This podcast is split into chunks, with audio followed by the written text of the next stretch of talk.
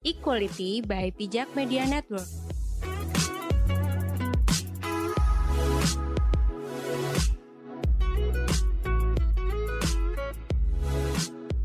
Halo, selamat pagi, siang, dan malam. Kembali lagi bersama Dinda Safira di podcast Equality. Udah lama banget ya, kayaknya udah nggak bersuara dari berbulan-bulan yang lalu. Tapi karena sekarang edisi edisi spesial di rumah aja, aku mau ngajak teman-teman buat ya mungkin merenungi sedikit tentang hak-hak kalian sebagai pekerja, apalagi sekarang zamannya work for home kan. Nah, di sini uh, aku pengen teman-teman mulai berpikir ulang bahwa bener nggak sih kalau pekerjaan itu seharusnya dibayar apa pun pekerjaannya. Ya termasuk ketika kamu melakukan pekerjaan rumah kayak masak nyapu ngepel nyuci. Kalian pernah nggak sih kepikiran kalau mosok pekerjaan kayak gini harus dibayar? Kan itu udah tanggung jawab kita masing-masing. Nah, untuk diskusi yang lebih seru lagi, makanya aku mau ngajak salah satu pembicara yang dari awal dia tuh udah getol banget ngomongin pekerjaan reproduktif atau pekerjaan domestik ini tuh harus dibayar mau gimana pun juga namanya juga kerja kan harus dibayar tapi kan aku kadang mikir ya nggak make sense lah orang pekerjaan di rumah itu kan harusnya kesepakatan bersama nggak usah harus bayar-bayaran segala kecuali kalau kamu membayar seseorang untuk melakukan itu semua gitu. Nah, gimana nih Masnya? Sebenarnya dia udah sering muncul sih di Equality mungkin ya di episode-episode awal. Coba deh kenalan dulu. ya, halo semua pendengar Equality, namaku Dandi. Beberapa kali emang udah muncul di episode-episode Equality yang sebelumnya. Cuman lupa yang mana. Pasti ada sih. Ya dicari aja. Oke. Okay.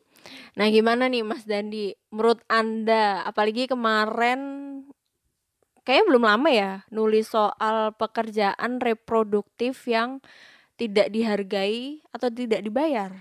Nah itu gimana sih konsep yang kamu tulis tuh maksudnya gimana? Mosok pekerjaan reproduktif atau domestik yang misalnya kayak nyuci aja masa itu dibayar kan itu kebutuhan kenapa harus dibayar gitu kenapa harus dihargai nah pertanyaan-pertanyaanmu ini uh, banyak aku dapetin pas aku nge-share tulisan itu di Facebook. Jadi nanyanya lah itu kan emang udah tugas istri masa istri dibayar? Kayak pembantu dong gitu kan.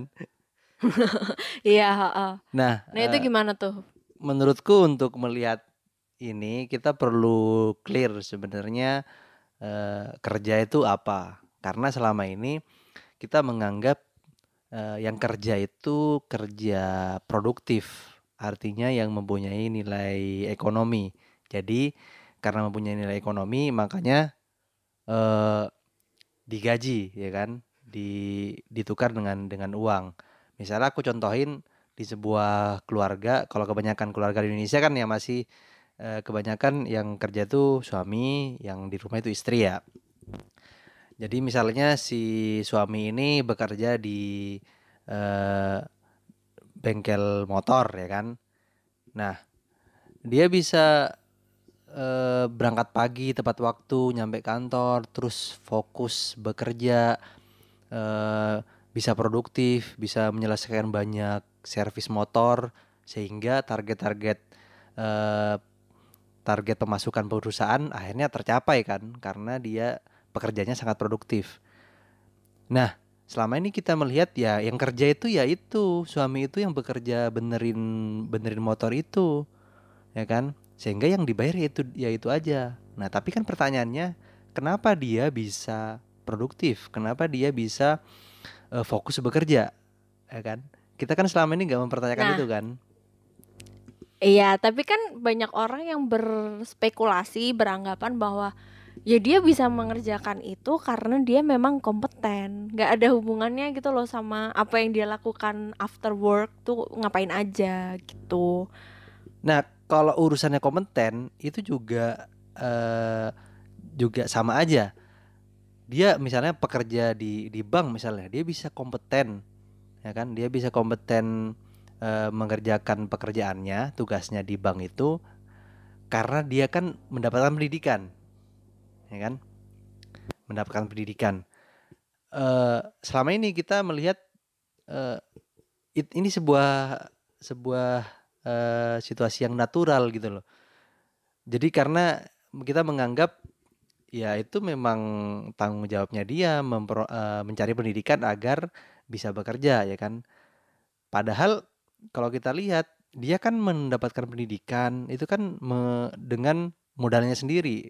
Dia membayar sekolah itu kan. Ya bisa juga dari negara misalnya dibantu.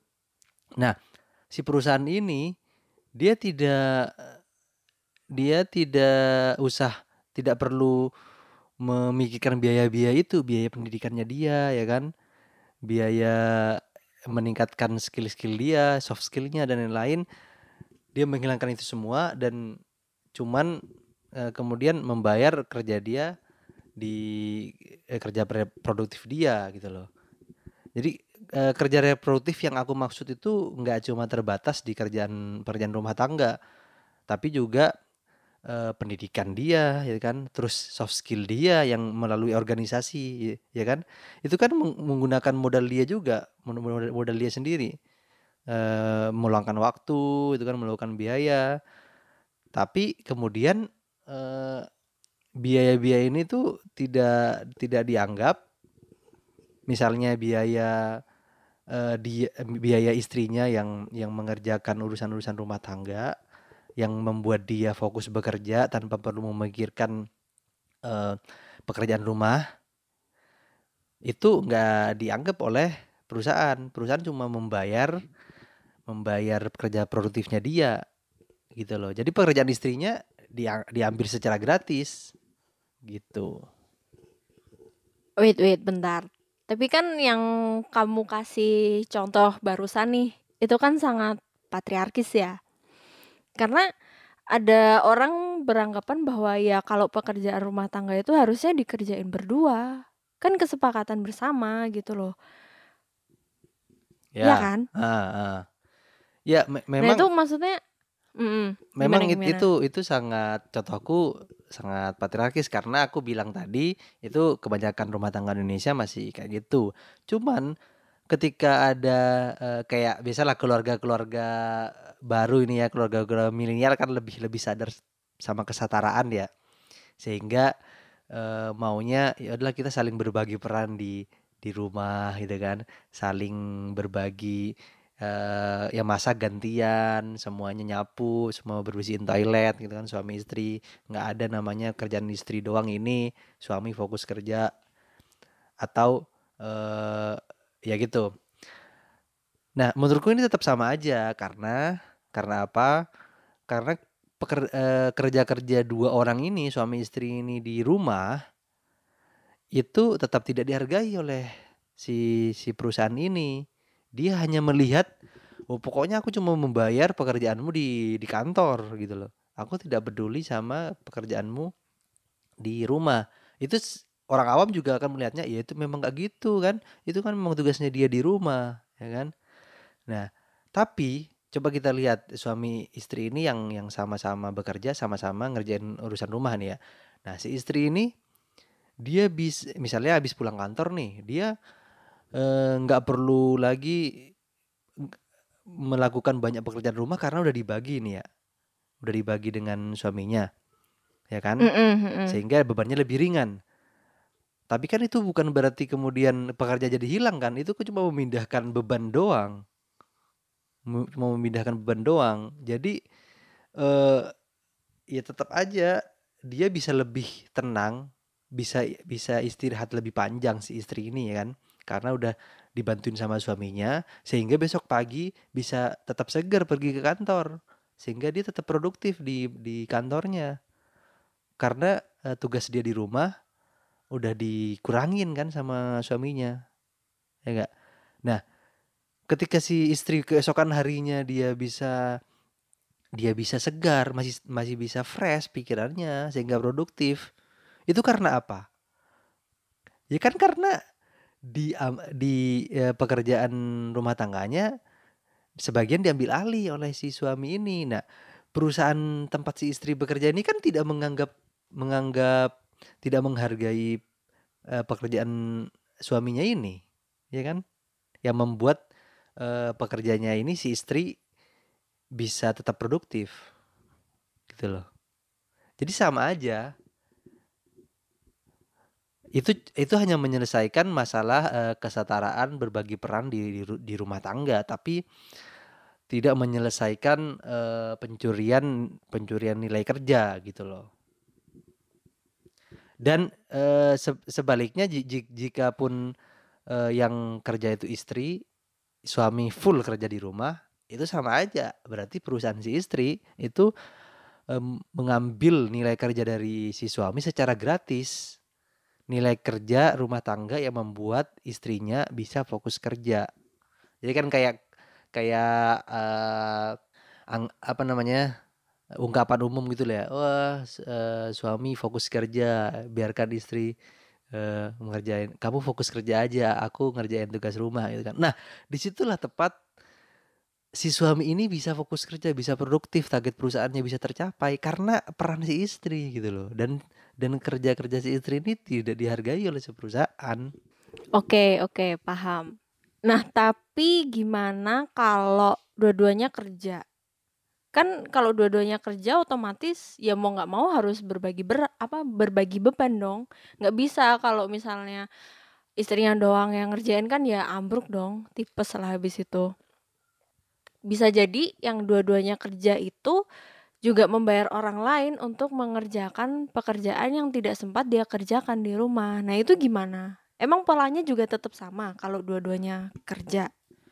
Ya kalau dia kalau mereka me membayar pembantu asisten rumah tangga itu kan nggak dikasih duit sama perusahaan nih. Aku kasih duit buat membayar asisten rumah tangga kan mengeluarkan dari kantongnya sendiri. Jadi itu cuma memindahkan uh, kerja-kerja dia yang harusnya dia lakukan, dia dia ganti dengan mengurangi gajinya yang dikasih ke orang lain.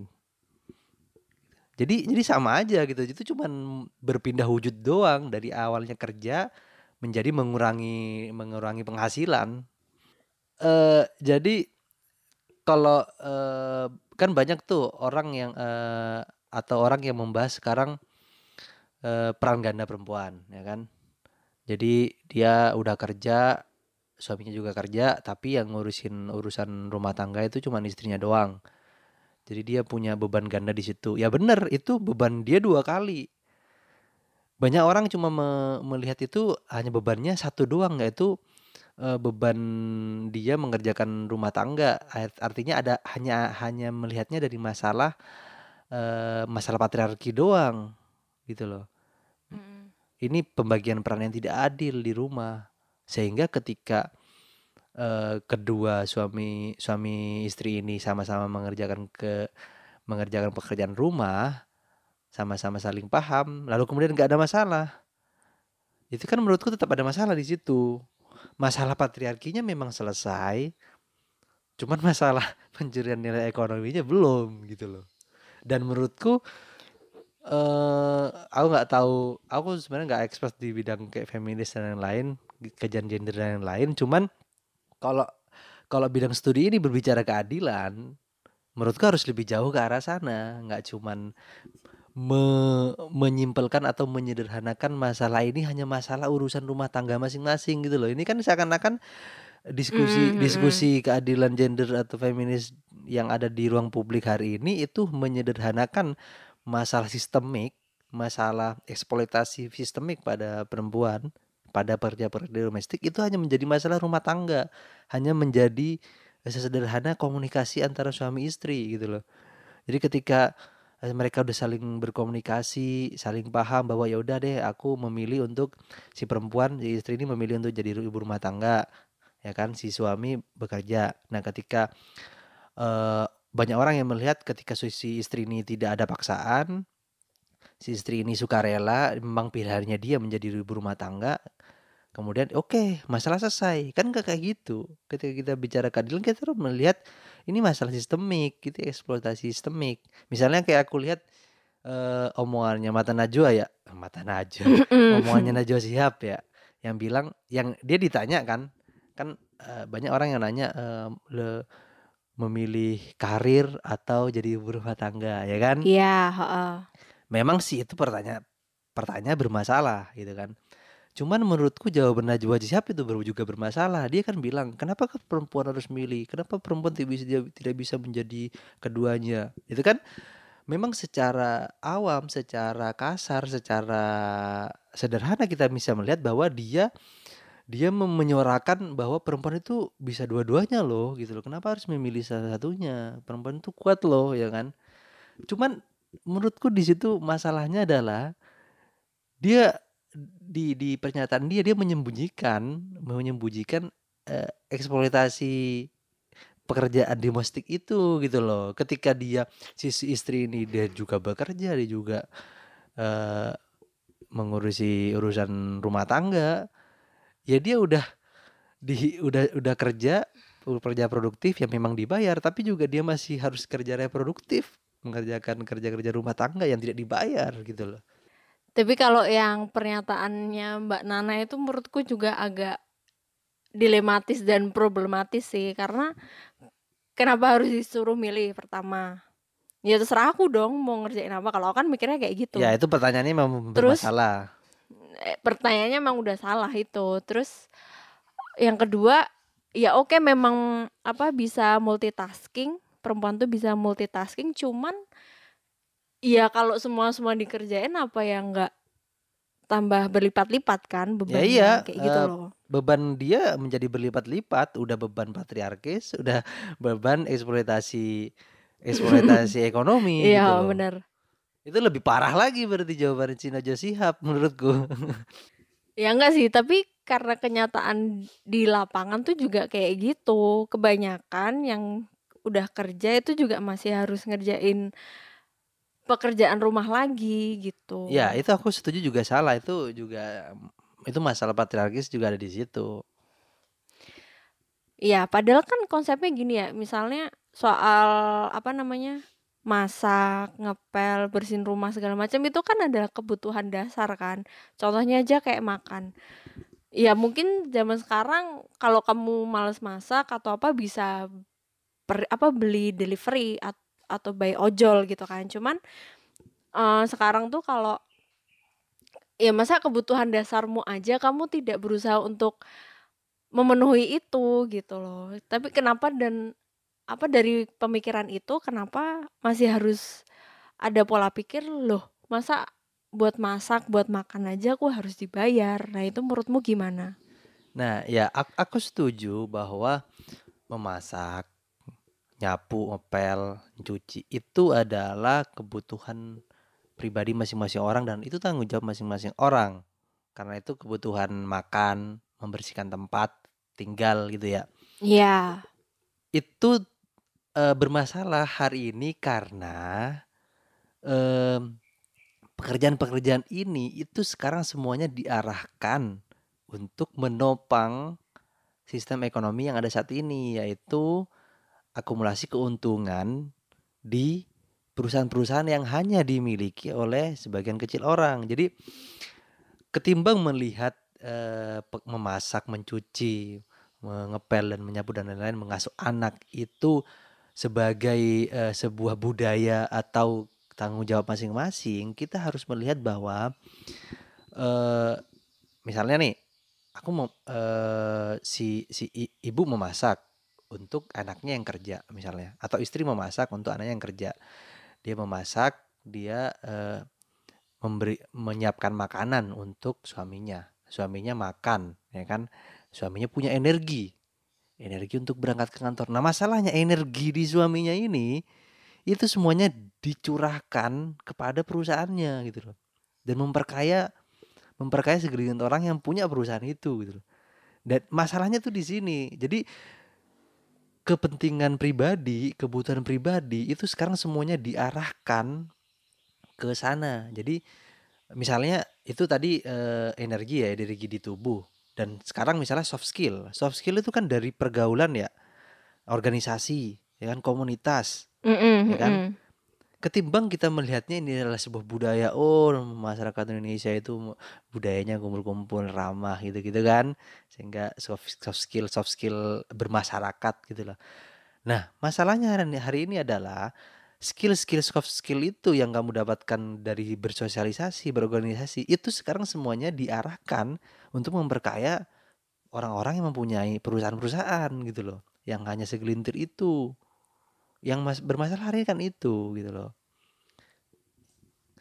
Jadi balik lagi kita hari ini ketika sistem ekonomi masih seperti ini berbasis upah yang menyederhanakan itu menyederhanakan kerja-kerja produktif aja tapi me menghilangkan kerja-kerja reproduktif kita tidak bisa melihat bahwa pekerjaan-pekerjaan rumah tangga itu hanya kebutuhan pribadi.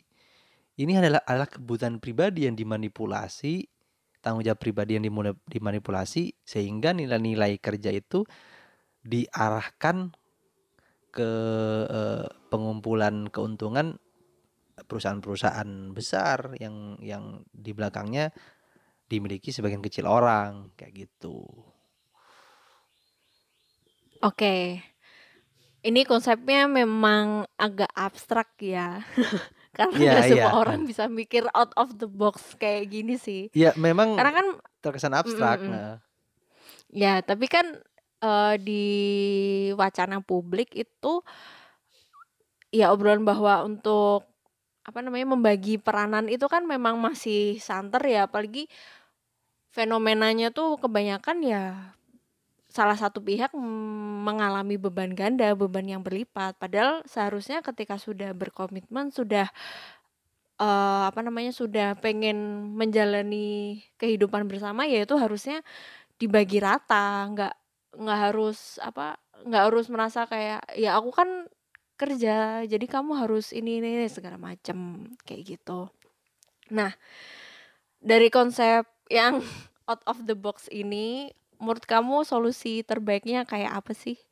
Atau mungkin masih ada permasalahan lain yang perlu kita tahu bahwa konsep untuk membagi peranan itu ternyata nggak cukup. eh ya kalau solusi ya eh, kalau jangka panjangnya sih memang harus arahnya ke bagaimana kerja-kerja di dunia ini tidak lagi berdasarkan atau bergantung pada relasi upah. Jadi bagaimana ketika misalnya seseorang kerja itu hasil kerja dia tidak disederhanakan hanya menjadi sebuah gaji gitu loh, yang gaji per bulan. Mm-mm. Karena gaji itu benar-benar menghilangkan semua pekerjaan-pekerjaan reproduktif yang berada di balik kerja-kerja reproduktif dia gitu kan.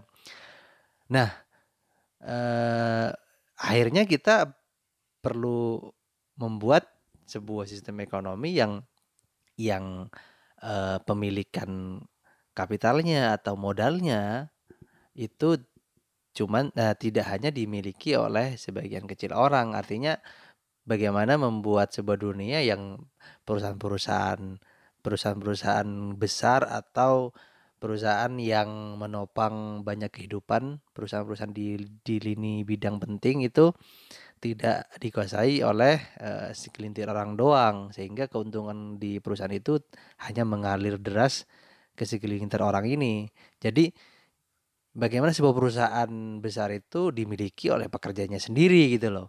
Jadi misalnya aku kerja di sebuah perusahaan A, aku mendapat keuntungan eh, ekonomi bekerja di situ tuh bukan karena aku digaji per bulan, tapi keuntungan perusahaan itulah yang aku dapatkan, pembagian peruntung keuntungan perusahaan itulah yang aku dapatkan gitu loh.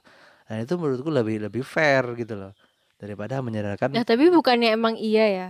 maksudnya Maksudnya di beberapa perusahaan kan tiap dia ada keuntungan gitu, dia hmm. pasti akan memberikan kayak bonus tahunan gitu. Ya sih? tapi itu seberapa? Kan hanya sebagian kecil dibandingkan keuntungan Oh yang meng- berarti yang mengalir kepada pemilik modalnya, pemilik hmm. sahamnya itu kayaknya paling berapa? Berapa persen gitu kan?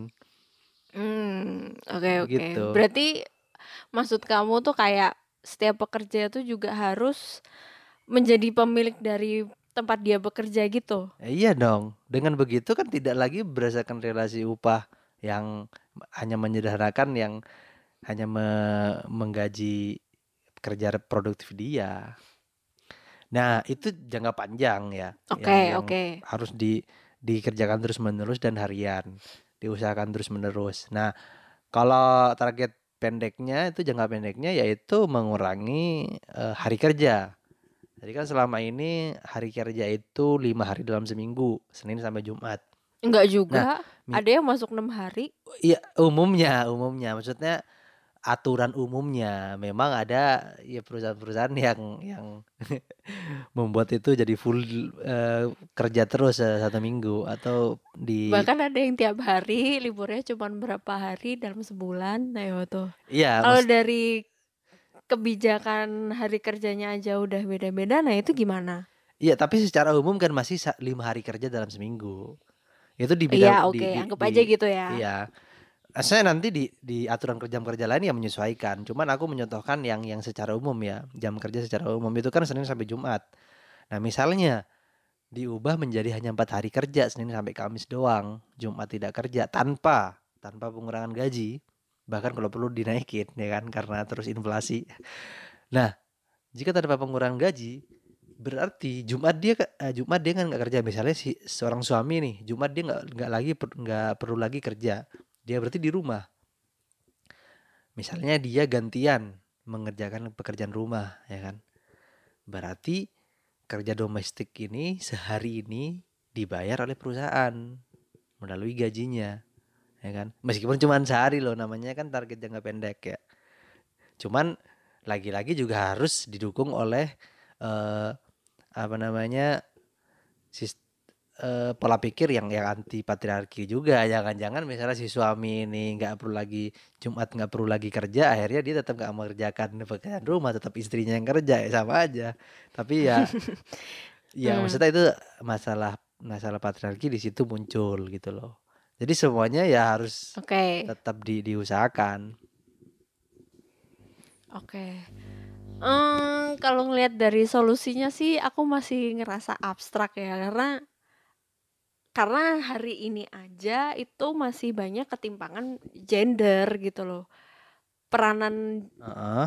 tiap-tiap orang tuh masih timpang, masih beda-beda. Kadang ada yang merasa dia superior dengan tidak mengerjakan apa pun, tapi dia bisa menyuruh orang lain untuk mengerjakan apa yang di yang seharusnya dia kerjakan kayak gitu. Nah, kalau dari kamu sendiri nih, hmm, gimana sih cara apa ya?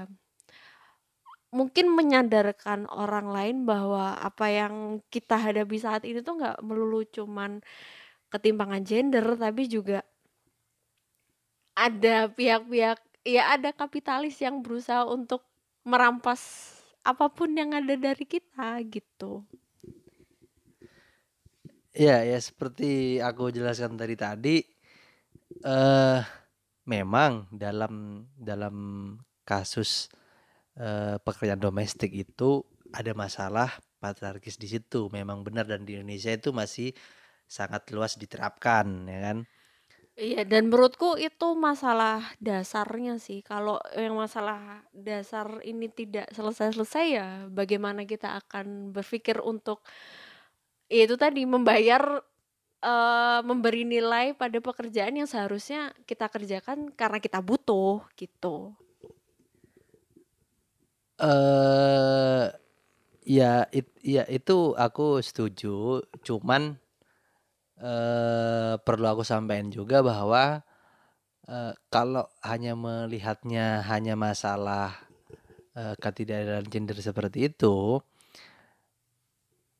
eh ya aku aku cuman nggak tahu ya takut aja nanti ke depannya akhirnya eh masalah eksploitasi ekonomi ini atau eh masalah pengambilan kerja reproduktif yang tidak dibayar ini tidak tidak terselesaikan juga gitu loh. Jadi nanti kan ujung-ujungnya aku berpikirnya kalau cuman masalah masalah eh, ketidakadilan gender yang diperhatikan, ujung-ujungnya akan em, terbentuk sebuah rumah tangga yang suami istri kerja, suami istri itu juga yang sama-sama mengerjakan eh, urusan rumah tangga. Nah, aku takutnya cuma berakhir di situ gitu loh, karena menurutku ketika cuma berakhir di situ itu tetap bermasalah gitu loh buat aku. seperti yang gue jelaskan tadi karena tetap ada kerja reproduktif yang diambil secara gratis oleh tempat dia uh, tempat suami istri ini bekerja. Oke, berarti ini emang masalahnya tuh kompleks banget ya, karena nggak cuman soal peran kerja doang, tapi ada apa namanya sistem yang memang membuat itu semua tuh ada, ya kan? Iya, dan sayangnya menurutku ini kurang kurang mendapatkan perhatian di obrolan publik gitu loh. Karena selama ini ketika kita melihat urusan rumah tangga, ya lagi-lagi ya aku bilang kita hanya melihatnya ini uh, menyederhanakan masalah sistemik ini menjadi sebuah masalah uh, rumah tangga yang yang uh, masalahnya itu komunikasi antara suami dan istri, saling pengertian. Harus saling pengertian dong, ini kan tugas iya. bersama gitu loh. Jadi menurutku itu terlalu terlalu menyederhanakan masalah gitu loh. Iya, tapi gimana ya ngomongnya tuh kayak aku ngerasa tuh memang betul mungkin ada masalah soal komunikasi tapi masalah komunikasi itu muncul karena ada masalah lain di balik itu kan. Apa tuh? Ya itu tadi bahwa ya ada maksudnya ada mindset dan mindset itu kan di, uh, bisa terbentuk kalau kita terus-terusan berada di suatu lingkungan yang menerapkan pola pikir seperti itu, ya nggak? Maksudnya mindset patriarkis? Bukan, maksudnya kayak apa sih namanya? Misalnya secara contoh nih dari yang kita bahas nih, uh, ada orang masih berpikiran bahwa yang mengerjakan pekerjaan reproduktif itu adalah pihak perempuan. Oke, hmm. itu buah dari pikiran yang uh, patriarkis yang maksudnya apa ya? memarjinalkan peran perempuan kayak gitu kan. Yeah. Tapi di balik itu juga ada lingkungan nih, ada lingkungan yang mendukung pola pikir seperti itu langgeng, yaitu ya kapital itu tadi kan.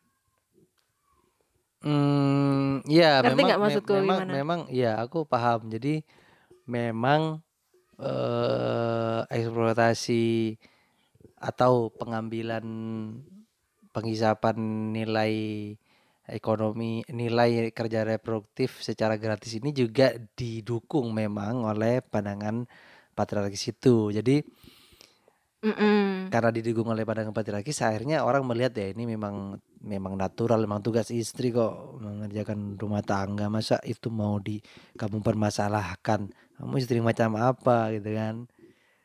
Mm-mm. ya di situ memang itu mendapatkan dukungan dari dari pola pikir patriarkis sih memang. Jadi keduanya itu memang apa ya eh simbosis mutualisme sih menurutku. Jadi sama-sama saling menguntungkan iya tapi kan tetap aja kapital ya gimana ya ngomongnya? Ya kalau dalam teori feminisme itu kan dibagi dalam apa namanya beberapa concern ya. Tapi itu bukan berarti kita mengkotak-kotakan teorinya. Tapi cuman untuk mempermudah kita memahami apa sih yang yang jadi fokusnya misalnya feminis sosialis feminis liberal itu tuh apa kayak gitu kan. Nah tapi kan sepanjang aku belajar feminisme dari awal uh, gerakan ini tuh muncul karena ya itu tadi uh, buruh-buruh yang menentang kapitalis. Berarti kan memang ada suatu sistem yang sangat berkuasa sehingga dia bisa merampas apa pun yang uh, tidak berdaya gitu loh. Itu munculnya tuh dari situ awalnya. Kesadaran untuk semangat kesetaraan semangat ya segala macam itulah itu tuh muncul dari situ ya uh, menurutku uh, level kesadaran yang seperti itulah yang menurutku perlu uh, menurutku penting gitu loh yang sekarang nampaknya mulai mulai tidak kedengeran gitu. level-level kesetaraan yang seperti itu yang aku maksud yang aku sepakati bukan uh, okay. kesetaraan yang disederhanakan hanya masalah pembagian peran suami dan istri gitu. gitu. Iya sih, oke oke. Oke, aku paham. Tapi aku tetap ngeyel sih, maksudnya kalau dalam hubungan relasi sosial ya itu tetap harus digaungkan, tetap harus diomongin. Iya, aku tidak bilang itu nggak perlu diomongin, tapi eh apa? Jangan sampai ada uh, jangan sampai yang yang masalah pekerjaan reproduktif yang tidak dihargai ini tidak diomongin gitu atau disembunyikan atau di atau diabaikan gitu loh. Aku tidak bilang gitu nggak perlu diomongin. Dua-duanya harus diomongin menurutku karena dua-duanya masalah. Oke oke. Um, apa lagi ya? Mau mas apa lagi ya? Ada tambahan lagi nggak? Ya mungkin kalau masih susah membayangkan uh, yang uh, contoh-contoh yang aku kasih tadi, uh, aku mau contohin misalnya kayak Newton menemukan uh, teori gravitasi gitu ya. Ya. Nah, kenapa dia bisa menemukan teori teori gravitasi? Banyak banyak orang atau penulis yang udah menjelaskan kan, wah karena dia telah meneliti dan mengamati bagaimana apel jatuh, kenapa apel jatuh gitu kan. Uh -uh.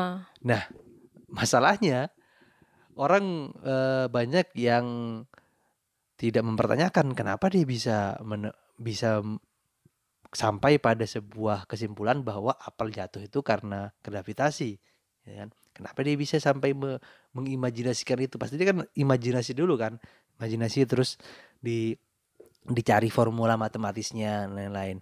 Nah, kenapa dia bisa berpikir seperti itu? Karena dia tidak perlu memikirkan pekerjaan-pekerjaan rumah tangga dia tidak perlu memasak ya kan? Dia tidak perlu memikirkan nanti malam masak apa ya? Biar aku makan apa ya? Gitu kan. Dia kan tinggal makan aja gitu kan dia yang disediain sama nggak tahu ibunya nggak tahu pekerja rumah tangganya gitu kan.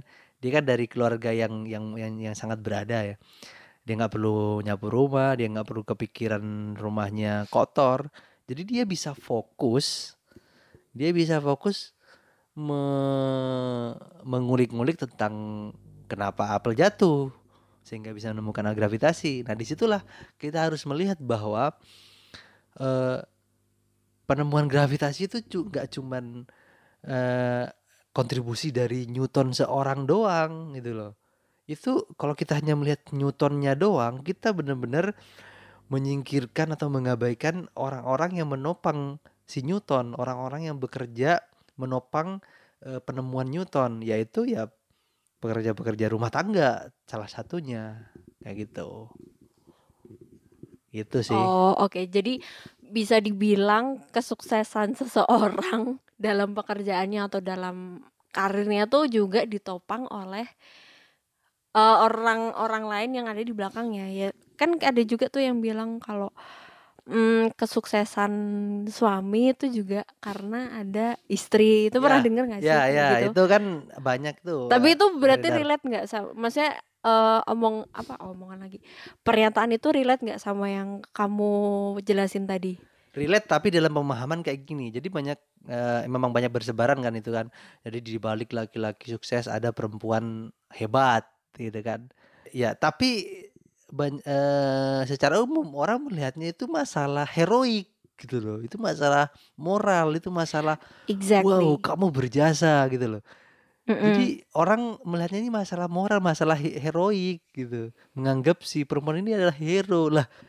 Itu bener-bener eh, itu apa ya? nggak tahu lagi lah sebutannya apa. Tapi itu bener-bener men- mendiskreditkan atau merendahkan kerja-kerja perempuan it, hanya memujinya berdasarkan kata-kata, memujinya meningkatkan derajatnya gitu-gitu. Padahal Mhm mhm. ya dia meng- mm, dia bekerja secara gratis untuk menopang karir si suami gitu loh. Gitu nggak melihat itu. Ini ada masalah aturan ekonomi yang yang nggak adil. Itu kan nggak melihatnya seperti Iya. itu orang-orang. Melihatnya masalah Oke moral. oke. Mhm. Iya sih, berarti bahasan kita tuh nggak jauh-jauh dari soal kesuksesan itu tadi ya? Ya ya ya contoh sederhananya kayak gitu lah. Oke. Ada tambahan lagi? Karena menurutku ini ya konsep yang cukup abstrak dan teman-teman yang mendengarkan juga harus banyak baca karena kebetulan kalau di Indonesia tuh lagi nggak populer sih.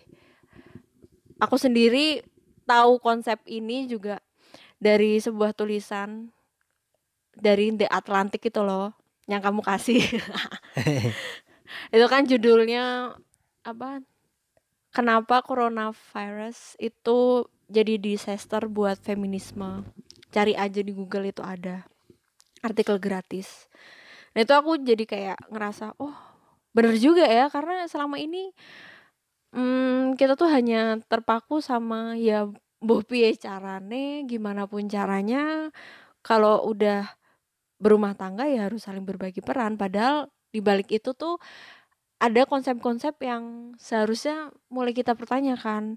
Masa iya sih aku mengerjakan ini secara cuma-cuma? Ya nggak? Iya, jadi di artikel itu kan dijelaskan bahwa ketika pandemi ini terjadi, banyak sekolah tutup sehingga anak-anak harus belajar di rumah. Ya kan?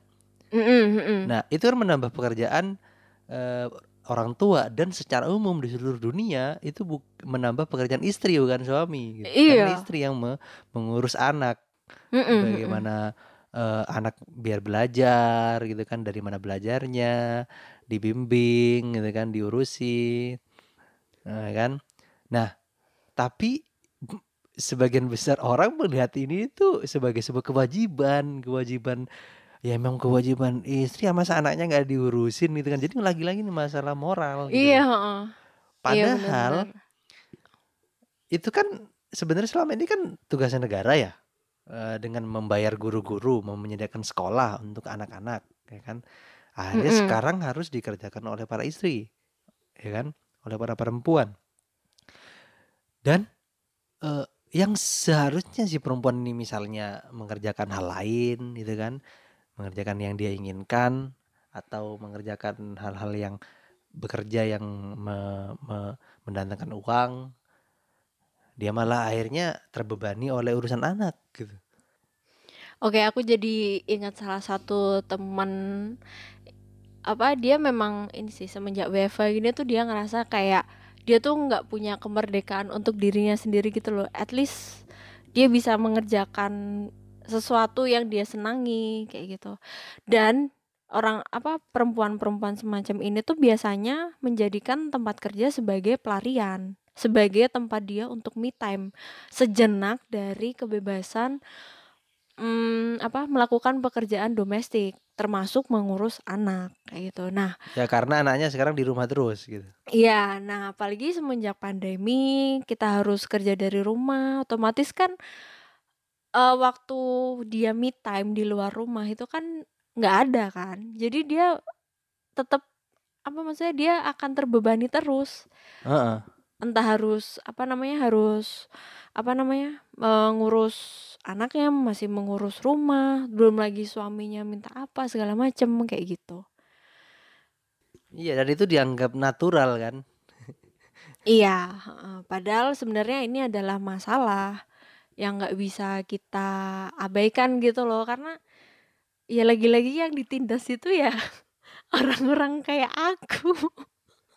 Ya itu memang karena di dunia ini masih sistemnya masih patriarkis akhirnya eh, perempuanlah yang paling banyak mendapatkan beban kan dialihkan ke perempuan semua.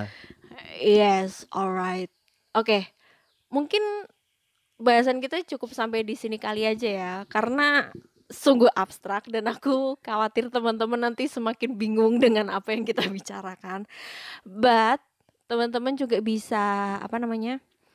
Bisa membaca lebih lanjut lagi soal apa kerja reproduktif yang tidak dihargai. Itu banyak kok yang udah bahas, terutama ya literatur luar negeri. Kalau di Indonesia sendiri kayaknya Indonesia itu jarang yang deh, dipijak. atau malah belum ada. Ya dipijak juga ada. Indonesia Oke, dipijak.id nah. ya. Eh, Judulnya kerja reproduktif yang tidak dihargai. Itu baca aja di situ. Iya, iya itu ada. Nah, selanjutnya setelah episode ini aku juga akan membahas tentang fenomena work for home dan bagaimana perempuan semakin berlipat-lipat bebannya dan itu mengarah pada KDRT. Tapi habis ini ya, jadi ini episodenya sangat berangkai gitu loh, nggak bisa kalian dengerin apa yang ini dulu baru ini nggak bisa. Ini kalian harus memahami dulu baru nanti lanjut ke episode selanjutnya. Jadi harus gitu. berurutan. Iya berurutan. Karena kan biar memahami nih.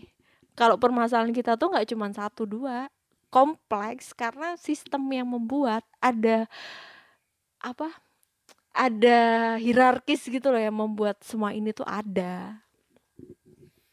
Oke, oke. Nah, ada lagi nggak sebelum kita akhiri?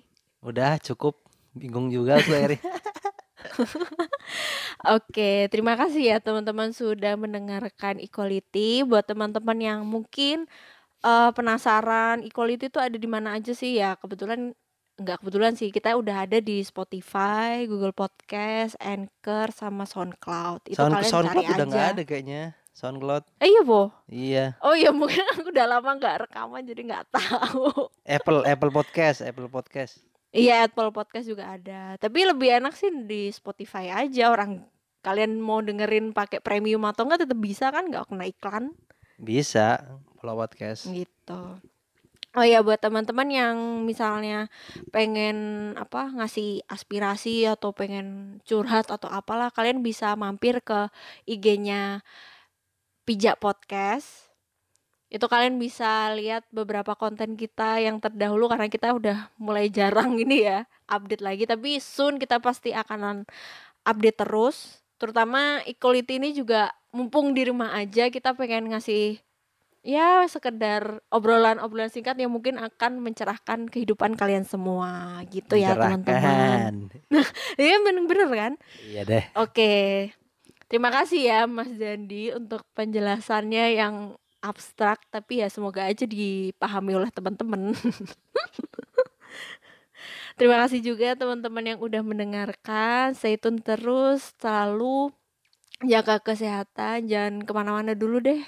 Ntar nggak kelar-kelar coronanya. ya udah gitu aja ya. Sampai jumpa di episode selanjutnya. Bye bye. Dadah.